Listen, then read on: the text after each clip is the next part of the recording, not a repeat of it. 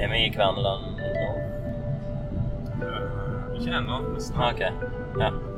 Det er fremdeles i Klepp kommune. Aha.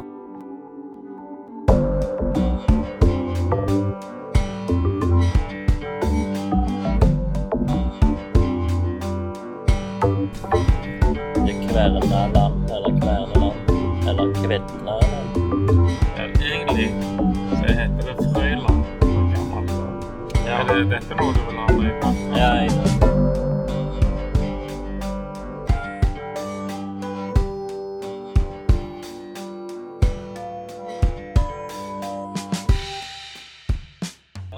vi i 40-sonen. Her er vi Nå går vi straks inn i Skal vi stoppe her, var det det du sa? på en bussholdeplass rett innenfor grensa til Kverneland. OK, så nå er vi i Kverneland, og Geir Egil Bergjord, eh, sjåføren min i dag, og gjest. Hva kan jeg hjelpe deg med? Jo, nå skal vi egentlig finne ut om eh, Kverneland er en eh, god plass for en kunstner å leve i. Hæ? Jeg skal vi det? Nei, kanskje. Jeg bor jo ikke her lenger. Jeg er oppvokst her. Ja. Som er eh, dialekten min litt ødelagt av mange tiår i storbyen Stavanger. Men, Men- eh, jeg er fra Kvanland. Jeg er oppvokst på Kvanland, i Tim kommune. Hvor lenge bodde du her, da? Jeg flytta her for første gangen i 86, tror jeg. Så var det litt sånn att og fram, men jeg, har- ja, jeg, flytta herfra på slutten av 80-tallet. Og da var du 23 år. 23, ok. Så du hadde 23 år her, og det betyr jo at du har gjort Du har jo funnet plasser du liker, likte. Hatt eh, ikke, Du må jo du, Når du var 23, så hadde du allerede starta å tenke iallfall på Eller hvis du ikke allerede blitt en eh, kunstner. Eller var du musiker, da? Jeg starta jo min eh, karriere med å spraye med sprayboks noen steder på Kverneland. Jeg tenker meg så søkte jeg vel på Kunstakademien eh, i 87, tror jeg var første gangen. Så jeg hadde vel en slags ambisjon, ja. Men det Ja. kom ikke inn. Nei. Foreldrene mine bor jo på Kverneland ennå, og så kom de med en sånn en koffert med all slags ting som jeg hadde lagt igjen. Ja. De finner stadig vekk nye ting på loftet. Og det var der noen sånne noen sånne søknadsgreier som jeg hadde skrevet noen, sendt inn til skoler. da. Og da hadde jeg faktisk tatt bilde av ting som jeg hadde spraya på vegger og brukt oh, ja. som underlags- eller som søknadsmateriale. Wow. Men jeg kom ikke inn på noen av skolene. Fotodokumentasjonen var ekstremt dårlig. Jeg hadde tatt det eh, når det var mørkt, med sånn pocketkamera med blits. Så det, de ser eh, ikke så eh, bra ut. Jeg er nok en bedre fotograf i dag enn jeg var i, på slutten av 80-tallet. Men var det abstrakt eh, kunst du lagde med spray? Eller var det skrev du noen eh, Nei, jeg? Eller en ting som jeg husker jeg gjorde, at jeg tegnte en eh, mann som sto og røykte da i røykekrona på ungdomsskolen der som jeg hadde gått. Ok. Men den var vaktmesteren kjapp med å male over. Jeg fikk aldri dokumentert den, faktisk. Aha. Så det var figurative? Det var figurativt. Mm. Ja, det vil jeg si det var. Men skal vi, er det noen av de veggene eller plassene som ennå eksisterer, som vi kan Vi kan jo gå, sikkert gå forbi den der ungdomsskolen og se Ja. se den veggen ser. du har bygd den om og sånn. mm. Og så er det et pumpehus som jeg eh, har eh, Som jeg også sprayer på. Ja. Som står der ennå. Og da kan jeg OK. Sprayen din. Det har ikke holdt tidens tann, sprayen. Nei, den sto der veldig Den sto der sikkert i 20 år i alle fall, Å, men ja. nå er det vekke. Så hvis du hadde lagd denne reportasjen eh, for ja, i år 2000, så hadde den stått der Den sto i hvert i 20 år. OK. Men la oss eh, dra bort til ungdomsskolen. Kjøre litt til? Ja. All right.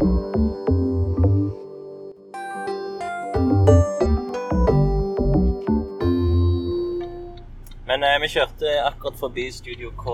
Ja, det må vi se på. Uh, ja, uh, jeg husker jo at disse lokalene var bensinstasjon. Og det var en Esso, og pumpene sto liksom her foran. Og det er derfor det har denne fasaden med denne liksom runde Det var jo liksom der du gikk inn og betalte og sånn. Det er jo så lenge siden at det var jo ikke selvbetjening. Du kom jo inn ut og fulgte på og siktet inn og betalte. Og så den eh, var det jo bilverksted inni den garasjeporten. Når jeg var, eh, vokste opp, så var det to bensinstasjoner på Kvartland. En Esso og en Texaco. Texaco. Texaco. Ja. Hæ? Er det det heter? Texaco? Ja, det er sikkert Texaco. Texaco er sikkert bedre. Nei, det er sikkert Texaco. Nei, Um, Texaco høres jo mer norsk ut. Nei, jeg vet ikke. Vi får finne ut det en gang. det var to um, butikker òg. Det var Samvirkelag og Kolonial. Så det var jo Det var en sånn politisk statement på okay. når jeg vokste opp, om du handla hos den private kjøpmannen eller på Kolonial. Morfar min var faktisk med å starte Kolonialen, fant jeg ut her for ikke så lenge siden. OK. Og nå står vi jo med den opprinnelige Kvarnas fabrikk. Eller si opprinnelig, opprinnelig. Hvis du ser ved veien der, så er det en liten smie. Det er liksom den første um, smia som han lagde, han som startet fabrikken. Jeg husker ikke hvor lenge siden det er. Men dette var liksom fabrikken som var, eh, ble omtalt som den gamle fabrikken når jeg, eh, når jeg vokste opp. Og jeg har faktisk jobbet ett år inne der i halv én. Det sto på um, eh, kontrakten min så sto det at jeg var spesialarbeider. var det det? Jeg var moderne smed. OK. Det betyr bare at du varmer opp metalldeler til de er rødglødende, og så legger du inn i ei trykker på en pedal, og så slår det sammen en kardong, og så får den en form, og så hiver du det opp i en vannbad hvis metallet skal bli helt hardt, eller um, i et uh, syrebad eller en sånn blanding som holdt flere hundre grader. Da ble det ikke fullt så hardt, altså ikke sprøtt. For hvis du ikke har det oppi noe bad og bare lar det kolde av seg sjøl, så blir det um, for mjukt uh, å ha som plogspisser, f.eks. Akkurat. Og brukte du denne praksisen videre i kunsten? Det er kun det jeg har brukt. Nei, jeg det... Ja, men har det liksom vært nyttig, tror du? sånn som fotomørkerom foto, eh, mørkerom, høres, høres jo litt eh, eh, Dypping og timing. Men det å være nøyaktig. Nei, jeg tror ikke det var det. Nei, dette er snakk om grovt arbeid. Nei, det var, ok. det var det som var det moderne med smeden. Det kunne være unøyaktig. Noen har allerede uh, skåret til de der metallbitene, og så gir du dem bare en form med å legge det på rett plass inni et ferdig verktøy som noen som har vært nøyaktige Ja, okay. for deg. ja. Du kan røyke mens du gjør det, som noen av de kollegene mine gjorde. husker jeg. Det som jeg eller egentlig brukte det året til, var at jeg lærte hvor utrolig fort tida går når du bare jobber skift. Og så kom det liksom penger inn på kontoen, så det var jo på en måte bra, men eh, det var sånn jeg tenkte Hæ? Det må finnes mer enn dette. Nei, vi står vi her på rett av barneskolen som jeg gikk på. Jeg husker veldig godt at eh, når jeg var, når jeg var liten, syntes jeg den var fin. Uh, nå er det jo ganske endra for sånn som det var, men det er jo sånn slutten av 50-tallet, begynnelsen av 60-tallet. eh, stil på det. Men det var liksom fint med grusbane, en gressbane og en sånn liten bakke med en sving. og asfaltert skolegård og busker og sånn. Og så, en, når jeg var sånn ca. ti år, så plutselig så var det noen som begynte å grave liksom på kanten. Altså her som vi står nå, på denne lille plassen her. ja. Som egentlig var en del av skolegården, eller skoleområdet, på en måte. Iallfall oppfatter jeg det sånn. Og så satte de opp det der pumpehuset der, som jeg syntes var så ufattelig stygt. At jeg trodde at det måtte være noe de satte opp midlertidig. For noen kunne jo ikke med levd i behold lage noe, sette opp noe og mene at det skulle stå der på den fine skolen min. Men som du ser, står det der ennå. Ja. Så om det er kanskje litt det som trigga at jeg ti år seinere det ble en plass å, å tegne noe når jeg eh, begynte å operere med spraybokser. Hva, hva type spraybokser brukte du? Husker du merket? Nei. Ok. Det var bare Det var ikke så Fant avansert. du det liksom i en kjelleren eller i, i eh, Fant du det hjemme hos foreldrene dine? Nei, jeg, kjø jeg Du kjøpte kjøpte de? Jeg Ok. stjal de ikke. Jeg var litt ah, feig. Okay. Ja, ok. Men det var akkurat på denne sida som vi står her? Nei, jeg- nei, okay. Ok. nei. Jeg, vi kan jo gå ut av bilen òg, heller. Nei. Eh, eh, eh, For, å liksom beskrive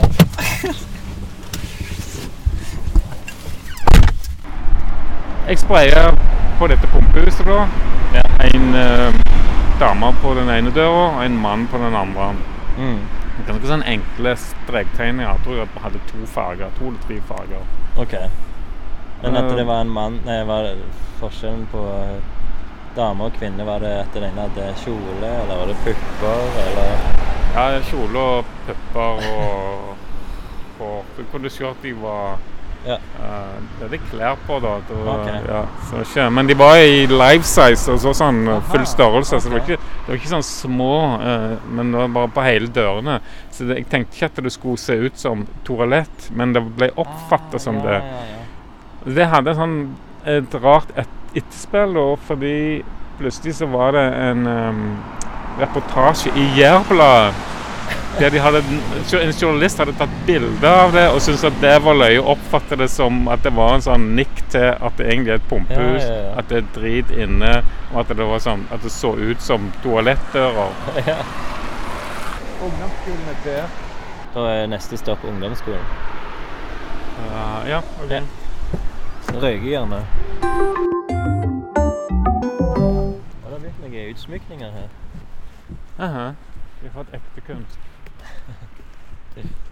Men uh, jeg ser det har òg skjedd en del med bygget her, sånn at uh, der så den uh, røykekrona var når jeg gikk på ungdomsskolen, der er det ikke røykekrå lenger. Der er det bygd en aula, ser jeg. Hva skal vi gjøre med det, Espen? Så som jeg sa, så syns jeg barneskolen min var eh, fin da jeg vokste opp. Men den ungdomsskolen er jo, er jo typisk 1978. Sånne eh, ekstremt kjip arkitektur som var skikkelig stygg når den ble bygd. En sånn stygg ende, selv om de på å gjøre fancy med aula. Jeg var jo den Men det var her som var røykehjørnet akkurat den sted. Inni der. Ja. Altså det som den her bygda hadde bare og der eh, tegnte jeg en, eh, en eh, mann som sto og røykte. Han hadde røyk i kjeften, og så hadde han alpehue òg, tror jeg. Den var jeg ganske fornøyd med, men den ble vaktmesteren malte over han med en gang. Ja. Men um, jeg vet det var noen som så han på skolen, har jeg fått rapportert. Har de gitt deg eh, gode tilbakemeldinger. Det var jo egentlig ingen som visste at jeg, jeg gjorde ikke det her uh, offisielt. Jeg gjorde det jo Men jeg husker at det var en sånn Den der eh, spenningen med å lage noe sånn i smug, og så liksom gå forbi eller sykle forbi etterpå at det var der, og du så at folk Og du nettopp hadde gjort det, så ville at folk snakke om det eller kommentere det. det var, ja, det var en ganske sånn viktig Ja kjekk, En kjekk ting med det. Mm. Spen, en slags spenning med, spenning med det.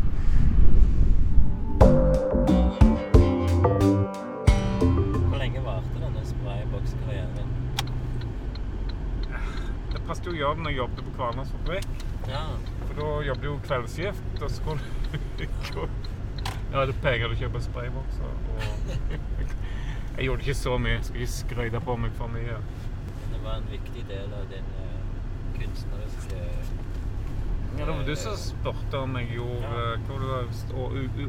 Åpningsspørsmålet ditt var om jeg, om jeg hadde allerede hadde ambisjoner Ja. om å lage kunst når jeg begynte på Kvarvann. Mm. Så bare kom jeg på at de tingene Ja. Og det var jo på en måte noe å gjøre noe i offentligheten. Og det tror jeg det som trigger I ettertid tenker jeg det er, tror jeg det er en viktig faktor for mange som jobber med det. At, at du faktisk du, du viser noe i offen, offentligheten. Mm. Du ikke har aksess på gallerier og sånn, så er det en måte å ta seg til rette, som jeg på en måte har jo sans for. Mm. Altså, nå har vi st- stoppet bilen en plass. Ja, nå har vi en plass, ja. Dette er i går som hos foreldrene mine, for nå skal vi gå tur, Ja. Espen. Nå skal vi finne et sted å sette oss ned og drikke kaffe. Ja,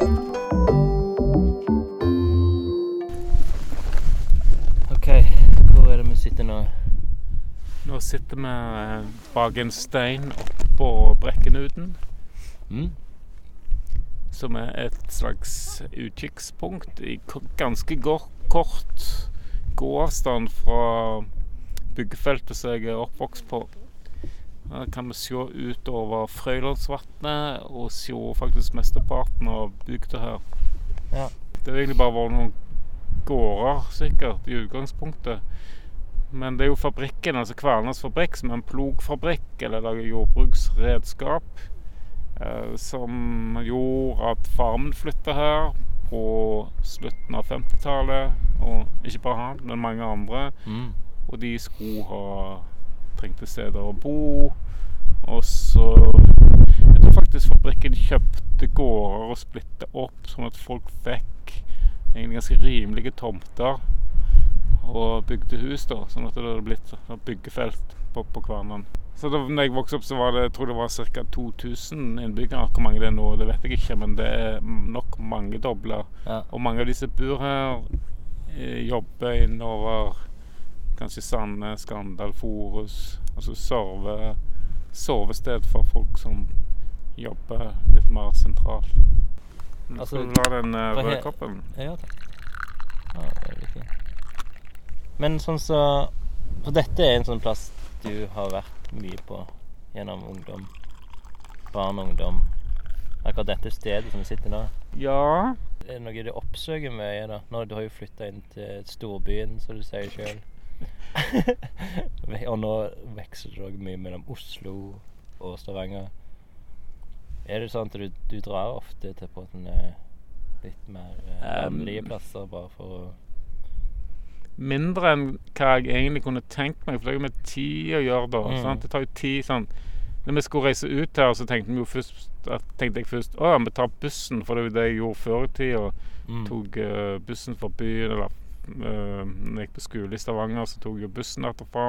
Buss til Sandnes, skifta på Sandnes og videre til Kvarnland. Men så er det bare så utrolig tungvint å forflytte seg med buss her. Så det som har med bil, gjør alt mye uh, lettere. Ja, men det tar litt tid å gå opp her òg. Skal ha tid til det. ja, du må støtte av litt. Kjøre ut her en halvtime for å gå et kvarter opp på Brekkeluten. Men, men jeg tenker jo mer at eh, hvis du har en forkjærlighet for det fjell og, og land Hva er det? Daler og Hva er det vi ser rundt oss? Jeg vet så vidt hva ting heter. Hauger og daler og trær og steiner. Hvis du er en sånn person som egentlig ønsker å ha mer av det Ja, jeg vil ha det i Stavanger. vil Nei, ha det jeg kan vil ha ha mer av det. enn, Du kan ikke få alt, Espen. Du må velge hva du vil ha. Nei, men jeg tenker sånn, Siden du har vokst opp her og har liksom eh, lekt på disse jordene Om det har gjort deg når i voksen alder at du ofte vil tilbake til det? nå? Du trenger Altså, ikke være jo- her Kverneland spesifikt, men liksom sånne, sånne lignende strøk. Kverna Kverner ser ikke ut sånn som det gjorde når jeg flytta herfra. Når jeg vokste opp Så mye av det som jeg på en måte hadde kanskje litt sånn emosjoner til, så du kunne dratt tilbake til, det er long gone. OK. Og de fleste av det som har vokst opp, syns jeg ikke noe liker jeg ikke. For, å være helt uh, ærlig. Jeg håper at de uh, kommer opp med en plan.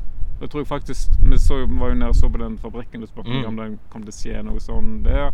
Og det er jo noen som har planlagt å lage boliger eller lager Ja, og et eller annet senter eller det, det, Akkurat den, den plasseringen der er jo kjempefine.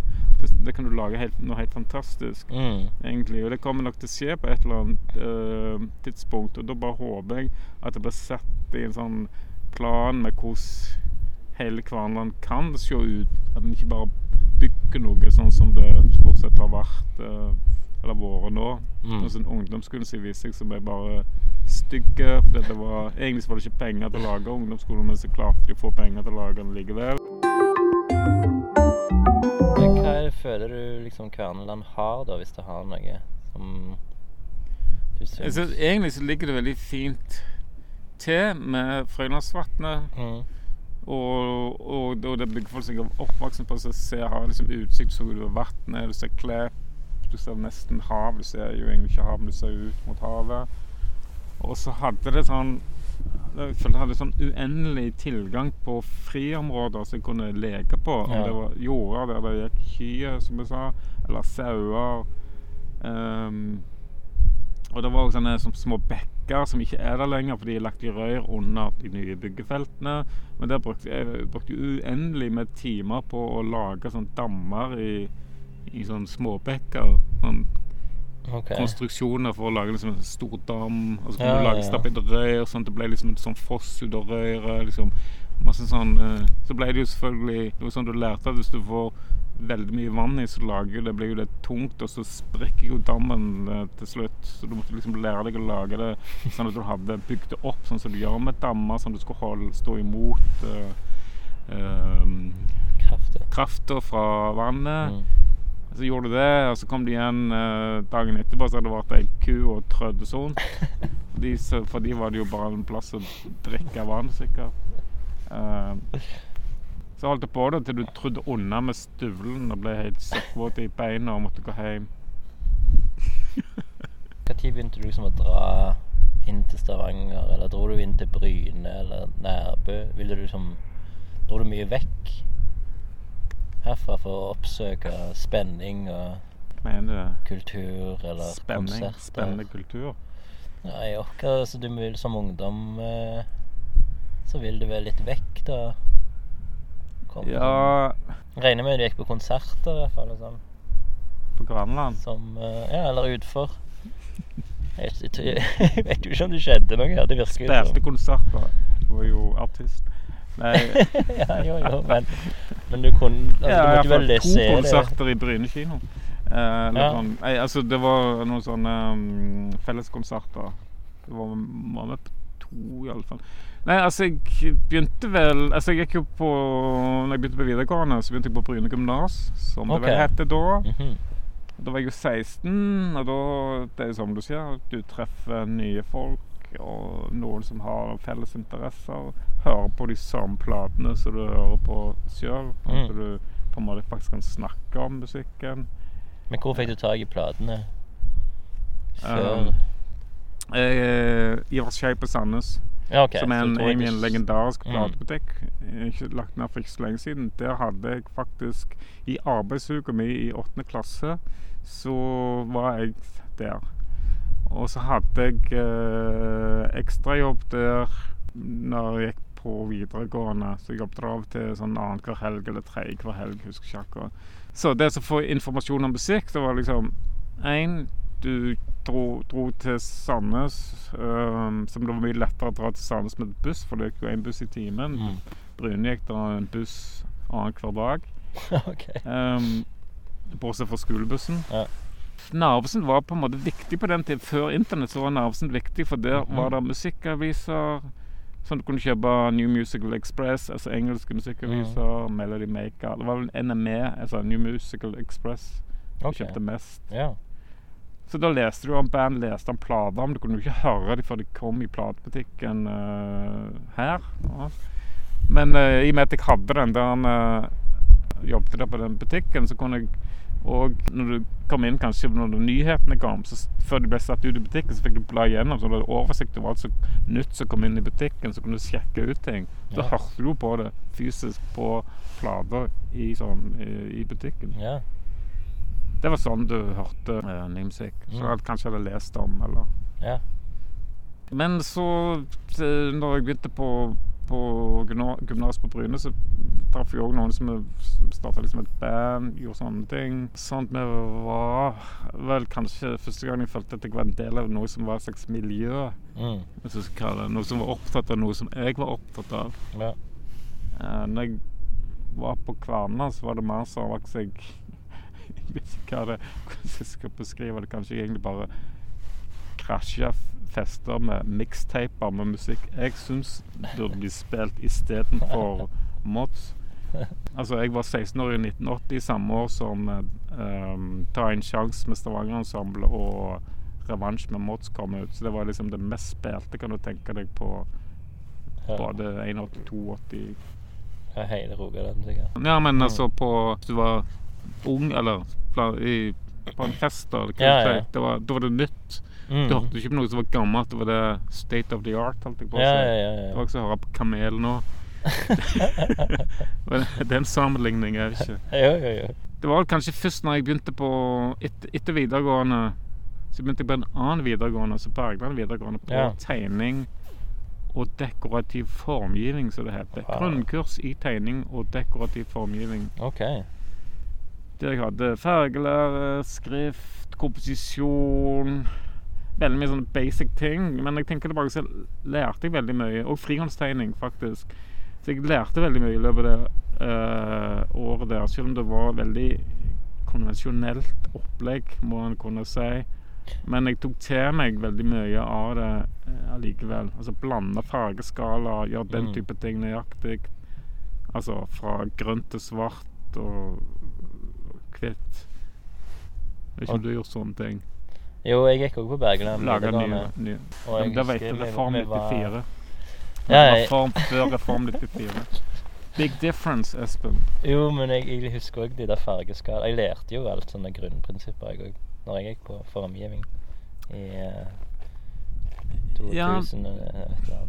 Men også skrift. Det er bare tegne opp skrift. Mm. Lettrasett var jo på, var liksom det moderne da, som ikke fikk lov å bruke. For det var for enkelt. Vi måtte tegne, tegne opp skrift. Dra opp strekene med råtring. Fylle inn med tusj. Og o-er kunne du ikke dra med linjal eller råtring. Du måtte jo Ja. Men det, det gjorde at du ble jo enormt bevisst på spacingen, eller mellomrommene mot mellom bokstavene Ja. i en heading. Ting som folk vanligvis ikke tenker på i det hele tatt. Eh, de legger bare merke til det når de har gjort feil. Når de har gjort riktig, så ser det jo riktig ut. Men for å kunne gjøre det riktig, så må du ha en følelse for å gjøre det riktig. Mm. De tingene ble jeg ganske drilla i, da, husker jeg da. At jeg ble, eh, lærte meg til å se, se ordentlig. Uh, som jeg har brukt Som jeg bruker som fotograf, som jeg bruker nesten i alt jeg gjør. Liksom legge merke til ting ja. små forskjeller som er forskjeller. Som utgjør forskjellen som du er opptatt av. Eh, Det var da begynte vi å gå på konserter i, i Stavanger. da. Hva konsertlokaler var det da? Det var mm, det som jeg husker Det var jo stort sett eh, to trapper opp, eller loftet, som vi sa. Sjøhusloftet. Som lå De røde sjøhus. Aha, OK. Ja. På denne tiden her så var det nesten ikke utesteder i Stavanger. Dickens var. Så var det et diskotek som heter Concord, som ligger eh, nesten på sida av Dickens. Og så var det nattklubb på Hotell Atlantic som heter Cobra. Den har du tatt bilde av. Det er sånn kalender. Ja, ja, ja. ja. Jeg, jeg, jeg visste at den var på vei vekk, så jeg måtte dokumentere det. Ja. Uh, og så var det diskoteker på Hotell Alstor. Ja. Og der var det òg av og til konserter på. Jeg har iallfall vært på konserter en gang. Og de som arrangerte konserter, var jo i hvert fall Jeg tror de fleste som jeg gikk på, det var Studentersamskipnaden, tror jeg. Mhm. Og så var det òg noen som kaller seg for Special Sounds. Eh, Det som er litt løye, da, at selvfølgelig Stavanger er en liten by, så alle de folkene som arrangerte de konsertene jeg gikk på i 1983, 84, 85 og sånn, de er jo De ble jeg jo kjent med ikke så lenge etterpå. Altså, det er jo eh, Special Sounds var jo Arild Rein og Andreas Soma, blant annet. Um, jeg var på nesten alle konsertene som de hadde, uten at jeg egentlig kjente de. Eh, det visste jeg ikke at de og arrangerte. han, en som booka mest, for en av de som booka mye for uh, Studentersamskipnaden, var Jone Fosså. Han var involvert i det. Han bodde i kollektiv med seinere, sånn 86-87. Han som driver, arrangerer de Stavanger platemesse. Ja. Men de, altså de, noen av de folkene som jeg hang med, for var fra Bryne, de eller som jeg kjent med på gymnaset, vi vi var en sånn liten et slags miljø eller sånn skal du si, som ofte kjørte samt dro inn til byen Mm. på konserter. og Det var ikke så ofte jeg kjørte inn alene, selv om jeg nok gjorde det noen ganger òg. Men det var som regel eh, eh, flere, da. Men uh, hva med Altså, sånn som når du gikk på Bergeland, da. Ble du altså, Begynte du å interessere deg for kunst da? Var det Altså så, Gikk du på utstillinger, eller var det Ja, men det var ikke så mye, mye input på det egentlig. Men jeg, jeg begynte jo å tenke på det. Men det var litt sånn diffus hva egentlig kunst var, Ja. tror jeg. Altså det var bare bilder. Altså Jeg begynte jo på Bergland høsten 83. Som jeg sa, jeg søkte mener jeg søkte på økonomi i Bergen i 87. Økonomi? I fall. Økonomi? Jeg søkte på Akademiet. OK, sorry. Akademi. Jeg trodde du sa økonomi. Du var interessert i økonomi. OK, akademia. Ja, Akademiet. Akademi- Kunstakademiet. ja der du, der du søkte Men, med um, bilder av din jeg, altså, graffiti. Jeg, jeg, eh, jeg tegnte jo enormt mye og holdt jo, gjorde jo enormt mye sånne ting når jeg var barn. Jeg Ja. var mer opptatt av inneaktiviteter. Sitte inne og tegne eller lage ting. Det gjorde jeg mye. mm, mm. Så det holdt jeg på med hele veien. Og på, på skolen, sånn, de formingstimene vi hadde, sånn, selv om det var ganske sånn sånn plankekjør vi hadde der med sånne fyll inn farge, holdt jeg på å si. Det var ikke noe, akkurat noe sånn kreativ stimulering jeg tenkte meg om. Men en ting som jeg tenkte på for En sånn opplevelse jeg hadde som barn, det var at um, Mor til ei i klassen min på barneskolen uh, er Herborg Kvarneland. Som er en kjent illustratør og, kalli, og jobber med kalligrafi. Det er Mm -hmm. Kalligrafi. Hun har òg hatt utstilling på Studio K. Der du skal presentere dette prosjektet Aha. i 2019. OK. Jeg husker at jeg var hjemme hos deg en gang, og i kjelleren der Jeg vet ikke hvorfor vi skulle ned i kjelleren, men nede i kjelleren så hadde de på en malt en hel vegg som en sånn mur eller en sånn veggmaleri. Og jeg husker ikke akkurat hva det var. Det var liksom litt sånn eventyraktig med sånne figurer. Det tok liksom hele veggen, da. Ja. Og det gjorde liksom inntrykk at, at det går an å lage noe så stort. Så jeg ville jo rett hjem og gjøre det samme hjemme, men det var liksom ikke så lett å få uh, respons på, på,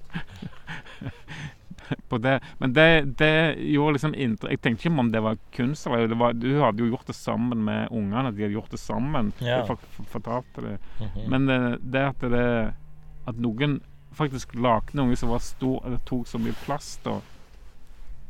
Forstår du hva jeg mener? Ja, ja, det ikke var bare en tegning som du la i skuff etterpå. Men at det, Mm. Og faktisk en gang Hvorfor hun visste det, det vet jeg ikke. Men en gang, da etter hva jeg sa, jeg hadde jo spraya på denne pumpehuset, så var jeg på en sånn 17. mai. Og så kom eh, Og kan være det var, egentlig var det jeg var inspirert av i, i Hva skulle du si I underbevisstheten min. det vet ja, jeg ja. ikke. Når jeg sprayer på den veggen. Mm. Men iallfall så kom hun bort til meg og sa og ga meg kred for å ha, å ha spraya på pumpehuset. At det var enormt bra. Jeg, det var jo ikke noe jeg Det var jo egentlig Jeg gjorde jo Jeg vet ikke hvorfor hun forsto at jeg hadde gjort det. Så sa hun at eh, datteren hennes hadde kommet hjem fra skolen og sagt at det var det at jeg hadde vært eh, At jeg hadde gjort noe i Røykekrona på ungdomsskolen, og at den var enda bedre enn den som de som var på. OK, så der har har Det var jeg sånn, sånn koblingen, ja. Men det var jo ikke noe jeg sagt. Jeg sa det jo ikke hjemme at jeg, at jeg hadde gjort det. Men det var Nei, kanskje nei, noe nei. sånn Men du fortalte det til noen, da? Ikke på Kvarnland, nei. Okay. For jeg hang jo ikke med folk på Kvarnland. Nei, men Jeg var jo uh, Skulle litt mer kaffe. Eh, hvis vi tar det litt lenger fram, da For, for du hadde jo òg en uts... Eller du hadde en lansering på Studio K. Ja. Du har, liksom, du har ikke vist noe kunst på en annen måte her? På Kverneland utenom det? Utenom dine spray, eh, emblemer og Nei, jeg kan ikke huske Så da må vi liksom spole helt fram til Det var ikke meg jeg gjorde de der graffitigreiene heller. Det var jo, det var jo bare sånn, noen sånne Noen sånne få, få ting. Det er litt kjedelig å jobbe nattskift, holdt jeg holder. Holde på å bli sånn eh, Jo, jo, men det, jeg syns egentlig det er en ganske bra En, en fin liten historie der. I forhold til hvor, at du faktisk har vist noe på Kverneland. Ja. Det som er litt løye, en annen anekdote i forhold til den der de jeg tegnte på det pumpehuset. Som jeg sa, Mm. så var det jo en sånn artikkel i Jærbladet der det liksom omtaler dette her. At det liksom, de syns det åpenbart at noen i redaksjonen syns det var løye, da. Ja, At det var herredo og damedo, liksom. Slags satire. Men jeg har en eh, niese som er født i 1985, og som var oppvoksen her på Kvernan. Og i voksen alder, da Jeg vet ikke hvilket tidspunkt jeg sa at jeg hadde gjort det til dem. Som sagt så sto jo de iallfall i 20 år. Ja. Um, så sa hun at hele, hele oppveksten så trodde hun Og det virker som mange trodde at det egentlig var toaletter. til det. Ja. Men hver gang hun gikk forbi og måtte på do, så var det alltid stengt. Og det var enormt frustrerende at de alltid var stengt. Sånn at det, Selvfølgelig. De som opplevde at de ble tagga på eller spraya på, de skjønte jo Kunne på en måte fatte liksom humoren med Eller se humoren i at det var så som herredo og damedo. Men Ja. de som vokste opp med at det bare var de emblemene var på, de oppfatter det som herredo og damedo, som alltid var stengt. ja. Men så må vi spole fram til Studio K. Faktisk. Det var jo her ekstremt mye av, fordi at jeg gjorde et prosjekt der Kilka Quarterly-magasinet Ja. der jeg tok et ukjent Det kan du kanskje òg introdusere først. Mhm. Eller snakke litt om først. Eh, altså eh, Gilka Quarterly, hva ja. det var. Eller er det over, eller fortsetter det? Eh, Det jeg fortsetter på et, nok kanskje på et tidspunkt, Ja. men det er ingen som vet hva tid, og helt sikkert at det gjør det. Mm. Men bare en kort sånn forklaring hva det er for lytterne. Altså, Gilka er jo mitt nickname, og Quarterly er jo egentlig noe som, ting som kommer kvartalsvis. Det skulle på en måte eh, Så det er akkurat som jeg kommer kvartalsvis. Det vil egentlig indikere at, uh, at, at, en, at en ambisjon om det kommer Ja. jevn, Ja, ja, ja. Uh, Syns det var litt løye. Og så er det Mm. egentlig en referanse til Jeg skjønner at den egentlig ikke er så innarbeida for folk flest som jeg kanskje trodde. Ja. Jeg, det egentlig, har egentlig en referanse til eh, en, et plateselskap som heter engel, engelsk plateselskap som heter Recommended. Eh, de hadde en sånn, noen samleplater som de ga ut med, så det fulgte magasin med, som heter Recommended Quarterly. Mm. Og det hadde liksom forskjellige artister som var på den plata, og så skrev de liksom noe om det i, i det. Så det var der jeg hadde den der Quarterly fra. Akkurat. Men Gilka Quarterly var på en måte òg en ambisjon om å ha noe som skulle Altså bruke ha, bruke Narvesen som en sånn distribusjonskanal. Mm. Selv om ikke Narvesen er sånn som det var, som jeg sa Ja. at før internett så var det på en måte nesten eneste eh, Ressursen. stedet det kom en Mm. sånn jevn, jevn strøm av utenlandske magasiner, altså input av, eh, Mm. av, av nyheter. Eh, så det er litt, litt sånn kanskje en nostalgitripp, uh, akkurat det, å ha det der. Um, uh, men det er sånn flere sider av det. Det er jo òg at det er bare bilder i det. Mm. Det har jo format og papirkvalitet sånn omtrent som Se og Hør eller Titt og Lytt, hva det andre heter. Se og Hør og Her og nå. Her. I, Var ikke her og nå du Ja, iallfall Du skjønner hva Ja, jeg mener. sladderblader. Det, ja, det Mm. står jo nesten ingenting i det. Er bare bilder. Og så Ja. er det altså det er egentlig bildene som forteller historien, Mm, men mm. eh, teksten skal bare legitimere at det at det er sant. Liksom. Det magasiner printa de opp. Hvor, uh, hvor mange var det det ble til foreløpig? Hvor mange er det foreløpig? Er det åtte? Jeg har gitt ut åtte. Ja. Det, som sagt så er det ingenting tekst i de, det er bare bilder. Så er det på en måte litt en sånn øvelse i å lage et sideforløp, som det heter. Altså at du, at du gidder å bla gjennom blad, selv om det bare er bilder. Mm. Uh, det er heller ikke noe sånn hvite felt. Um, det er bare ja, bare bare foto. Men alle har forskjellige temaer, da. Alle en litt forskjellige temaer, forskjellig, litt forskjellig innfallsvinkel, så det er på en måte en Ja, litt sånn utprøving av forskjellige sånne Mm. ting. Um, jeg tror faktisk det jeg lagde her på Kvernene er kanskje det vanskeligste å, fordøye, okay. har jeg innsett. jeg prøvde også å spille litt ball med denne batterifabrikken, som sitter jo akkurat midt i området. Den nye omdiskuterte datalagringssenter og batterifabrikk. Som uh, diskusjon som plutselig bare ikke er relevant lenger pga. at strømprisen har blitt så høy at ingen gidder lage noe batterifabrikk her lenger allikevel. Men det var protester akkurat der vi sitter. Akkurat der vi stikk, her sto det svært skilt med, og masse Og media var her og all slags. Mm. Folk sto høyere og skreik.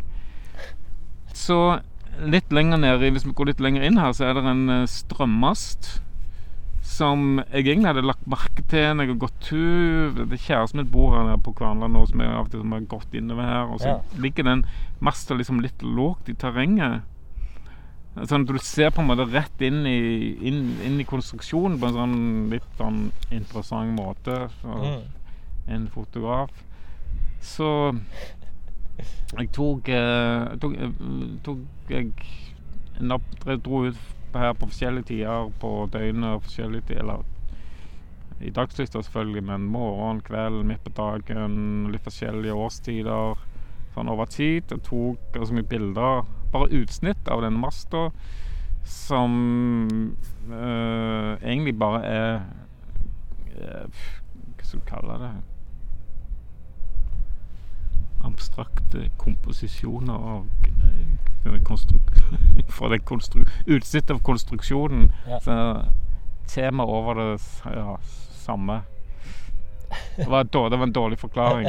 Hjelp meg, Espen. Jeg, jeg, jeg hadde ikke sånne Hæ? Har du ikke sett Jeg klarer ikke sånne tekniske forklaringer. Det er jo ikke en teknisk forklaring. Du må bruke følelsen din. ja, ja. Nei, men jeg tror, jeg tror lytterne forstår litt. Um, men Og det går jo òg an å søke opp de bildene. Men altså, når, eh, for å si det på en annen måte, da. Ja. Det som jeg prøvde å få til, var at hver når du blar gjennom dette magasinet, så ser du jo aldri denne her masta, og du skjønner at det er en mast, strømmast. Men du ser jo aldri hele masta, du ser bare forskjellige utsnitt. Mm. Som på en måte danner komposisjoner som jeg tenker er interessante. Som komposisjoner, altså Ja. bilder, og. Bild, ja, formale, formale bilder. Ja. si. Men samtidig så er det bare en strømmast. Men selvfølgelig, folk ser jo ting forskjellig, og jeg merker jo at noen bare sånn Hæ? Stål? Det er ikke fint. Ja, sånn, ja. Men for meg så er det, jo ikke, det er jo ikke Det handler ikke om fint. Det er jo ikke det som er Det er jo hva bildet blir. Ja. Og det er jo på en måte sånn jeg forholder meg til fotografi, da. Mm. Mer mm. enn hva som er fotografert. Jeg forstår. Går det an å si det? Ja, ja, ja. Samtidig som jeg jo forholder meg til hva som er eh, fotografert, så er det akkurat de der eh, At objektet er ikke så viktig. Det er mer komposisjon og ideen. Uh, Ja, men samtidig så er jo Det er jo viktig her, uh, fordi Jo. det at det bare er en mast allikevel. Ja, ja, Men ja. noen ser bare masten, og ikke hva jeg har gjort. Hvordan du sier det sånn. Jo, jo, jo. Det er en forklaring. Det er en forklaring. Og at det er bare det samme på alle sidene. Men det er ikke det samme. Det er jo forskjellig. Kommer an på hvilket blikk du ser det. Men uansett så var jo det Altså, det er jo en strømmas. Sånn, det ligger midt i dette området, og det var sånn strømmen Er det det, en av de museene her? Ja, du ser, der er en masse, så er det en som er akkurat nede imellom. Ja. Skulle du se toppen av den der? Den Ja. er det jeg har fotografert. OK, ja. Hvis du absolutt vil se den, så kan vi gå ned. Ja, det kan vi få et fint bilde av. den.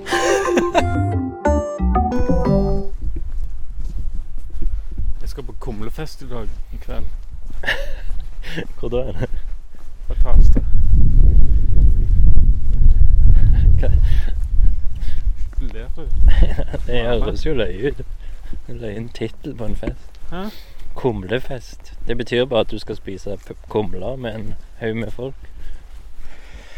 Ja Nei, det betyr mer enn det. Nei, men bare at du liksom Du skal du skal, du skal ikke på middag, du skal på kumlefest. Nei, du skal ikke på middag, du skal på kumlefest. Det er Kumlefest. Espen. ok. Jeg kjenner ikke det begrepet. Men det høres bra ut. Det høres ut som en happening. Så, så. Ser du? Aha, her er masten. OK. Ah. Den er veldig Eller ikke veldig, men ganske jevnt. Mellom, han er jo ganske jevnt. Jevn. Nei, jevnt. Altså gjemt. Ja, dukker som opp, men Ja. sånn Mellom trærne. Du er ganske nærme de der eh, fine grønne. ja, er du imponert? Ja, egentlig. Så sto du unna og tok mesteparten av bildet. Mange plasser, Espen. Du sto iallfall ikke rett foran. Her og der, på, opp bak, under. Mange. Men så brukte jeg teleobjektiv. Uh, en stort sett 300 millimeter, litt 200 millimeter. Hvis jeg sier noe. Jeg har ikke peiling på hva Vanlige folk kaller det for zoom. Ikke vidvinkel. Ja, ja, ja. Sånn, ja. Du tar, kan Ja. ta liksom et utsnitt sånn. Ja. Ja, hvis, du står og ser hvis du ser på eh, Nå er det jo overskyer, men når det er sol, så lager jo de eh, Spilene de lager skygger på de som er griddet som er bak. Ja? ja. Så får jo, det er jo det som lager disse spillet. Og de, de flytter seg jo Skyggene flytter seg jo når sola flytter seg. Ja, ja, så det ser jo ikke likt ut to minutter etterpå du gjorde det egentlig. Du kan, det er jo. Men uh, kan jo gå litt nærmere. Så drar vi gjennom kratt og knukne greiner. Grantrær. Blader. Så Oi. Men du ser, når du flytter på deg, så flytter jo alle de greiene, så blir det jo, Ja, ja, ja. blir det jo ting litt annerledes. Ja, variasjoner over hvordan masse ser ut fra ulike Altså, den samme tingen ser forskjellig ut fra forskjellig vinkel. Jeg hører en slags Som en sak. For eksempel batterifabrikk. ja.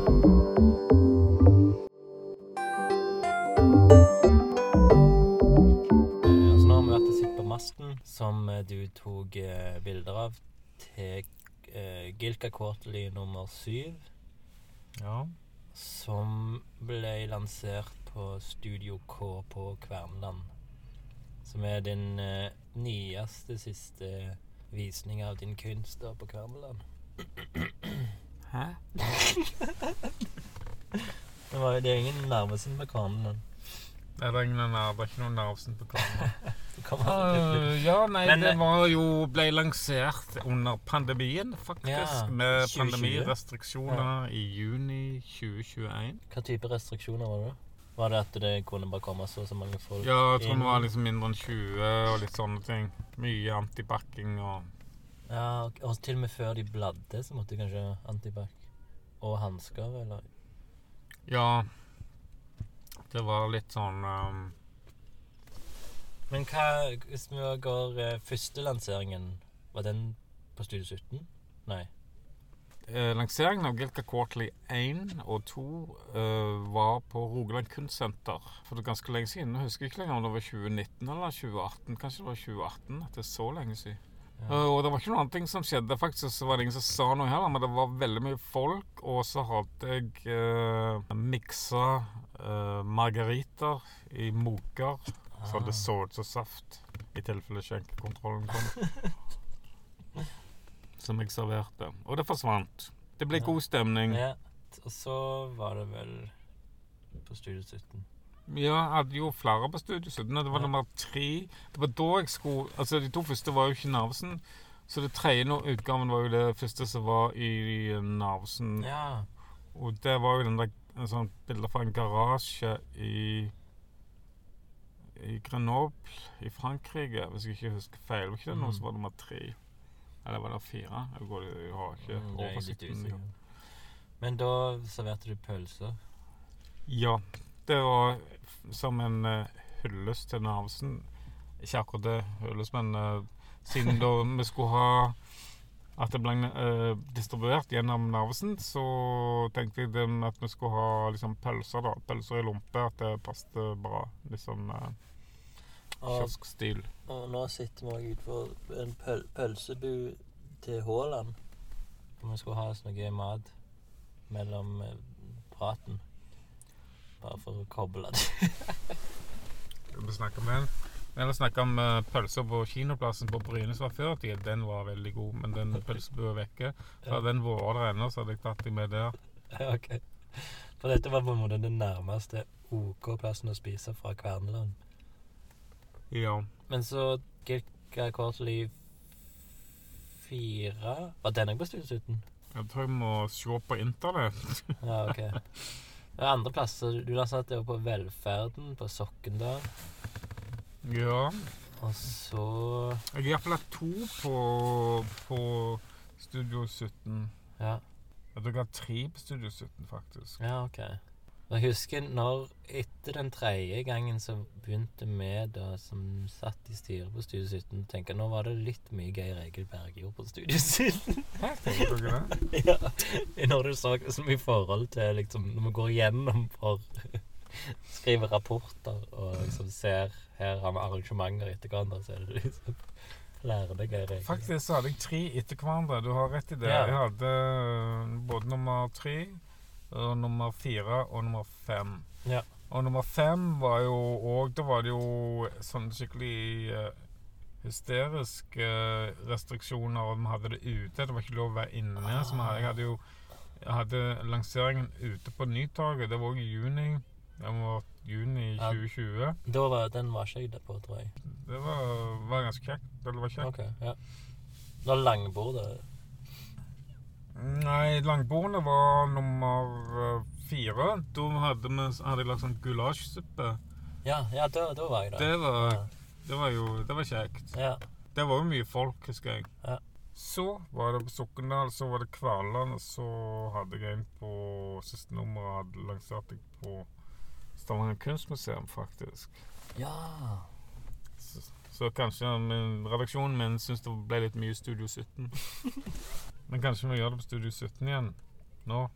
Ja, Nå har det jo gått så lang tid. Ja, ja, ja. Men jeg vet ikke når det får revitalisert det. Nå har jeg jo ikke tid til å jobbe med den type ting. Får du gjort noe kunst i det hele tatt nå som styreleder i NBK? Egentlig ikke. Er det ingen prosjekter du jobber med samtidig? Eller er noen ja, tenk. Ok, sånn da har du Sitter du og skriver ned noen ideer og tenker ok, det her må jeg kanskje gjøre senere når jeg får tid? Jeg har ideer allerede. Jeg trenger Ja. skrive det ned. Men eh, jeg har et prosjekt som jeg på en måte Så jeg jobbet ganske mye med før jeg trådte inn i styreledervervet, for jeg visste uh, Visste at, uh, at jeg kom til å ha lite tid når jeg, når jeg ble styreleder. Ja. Så Men det er et, et bokprosjekt der jeg bruker bildemateriale som jeg gjorde for uh, rundt 20 år siden. Så det, jeg har skanna veldig mye bilder som skal bli en del av et bokprosjekt. Ok. Så jeg trenger ikke ta ny altså, Det er mer å bearbeide det materialet eller Ja, ja. ut, gjøre utvelgelse. eller, Ja. Du trenger ikke reise for å ta bildene det. Nei, jeg har skanna Ut fra det Det er jo tusenvis av bilder, men jeg har skanna over 600 bilder. Og det kan jo selvfølgelig ikke være så mange i en bok, men det er liksom det materialet jeg har til, jobb, til å redigere ned til noe som skal bli en bok. Okay. Så det tenker jeg liksom, det er sånn jeg kan liksom gjøre kanskje i helgen eller Aha. en kveld hvis jeg har fri. Men før, akkurat nå så er det ganske mye eh, Det er greit å ha fri òg. Altså fri-fri. Ja. Hvor, hvor, hvordan er de arbeidsdagene da? Er det altså for norske billedkunstnere? Er det en sånn typisk ni til fire hver dag utenom helga? Jeg stempler jo ikke akkurat inn og ut. Nei. Nei, jeg vil ikke si at det er typisk noe som helst. Det eh, Jeg kan jo jobbe tid jeg vil, egentlig. Men når jeg, jeg er jo halvparten, ca. halvparten av tida i Oslo. På kontoret i Akersgata. Da forholder meg jo litt kjernetida som er der. Sånn at Ja, Det er jo litt, av, litt, av, litt av poenget med det. Men sånn som jeg var i Oslo denne uka, så satt jeg jo og jobbet det seint på kvelden Mm. to av de kveldene bare for å få gjort mer uh, men da kan jeg kanskje ta meg litt fri uh, når det roer seg litt ned igjen. Akkurat nå er det statsbudsjettinnspill for 2024 som skal være ferdig. Sånn. Ok, ja vel. Da er det mange tråder, så det, konsentrerer du deg bare om det. Og liksom Ja. få det best mulig. Men eh, du syns det er kjekt, forstår jeg. Det er kjekt, Mm. ja. Det, men det er utfordringer med det òg, selvfølgelig.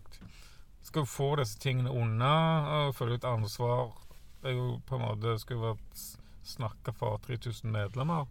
Ja. Tenker jo på det òg. Er det, det er 3000 medlemmer Det er 3100 medlemmer Ok. i NBK Mm. nå. i dag? Tenker ikke på det, men jeg er- det er bevisst, da. Jeg, mener, Ja, ja, jeg skal selvfølgelig. Må jo levere Tenker greiene. ikke på hver. Vi kan Vi, eh, vi avslutter jo eh, nå, tenkte jeg. Nå. Gjør vi ikke? Hvordan venter du på en punchline til slutt? En fagpolitisk punchline. Ja, Punchline, punchline, punchline, punchline. Punchline. Fachpolitisk Punchline. Fachpolitisk Punchline. Fachpolitisk Punchline. Fachpolitisk Punchline. Fachpolitisk Punchline. Fachpolitisk Punchline. Fachpolitisk Punchline. Fachpolitisk Fachpolitisk Punchline. Fachpolitisk Punchline. Fachpolitisk Punchline. Fachpolitisk Punchline. Fachpolitisk Punchline. Fachpolitisk Punchline. Fachpolitisk Punchline.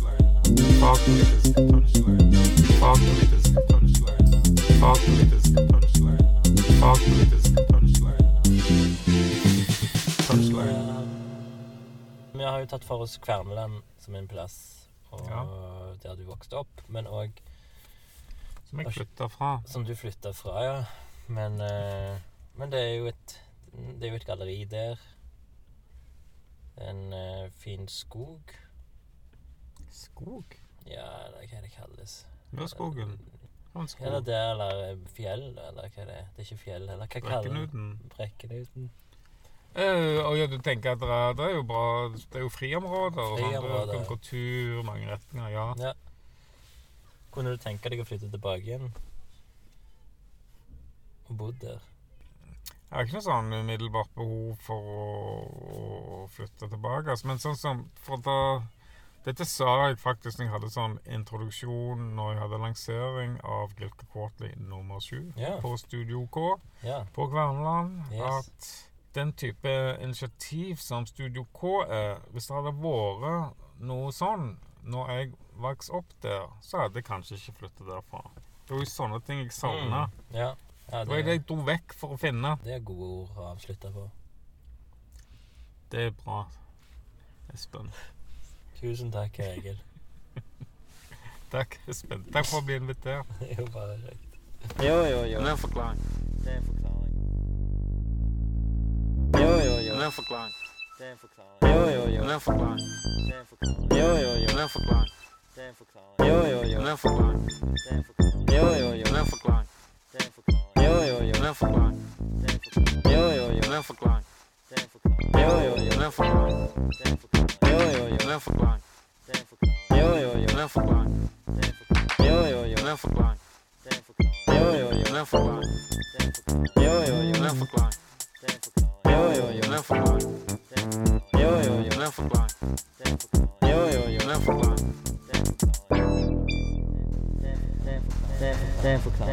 yo.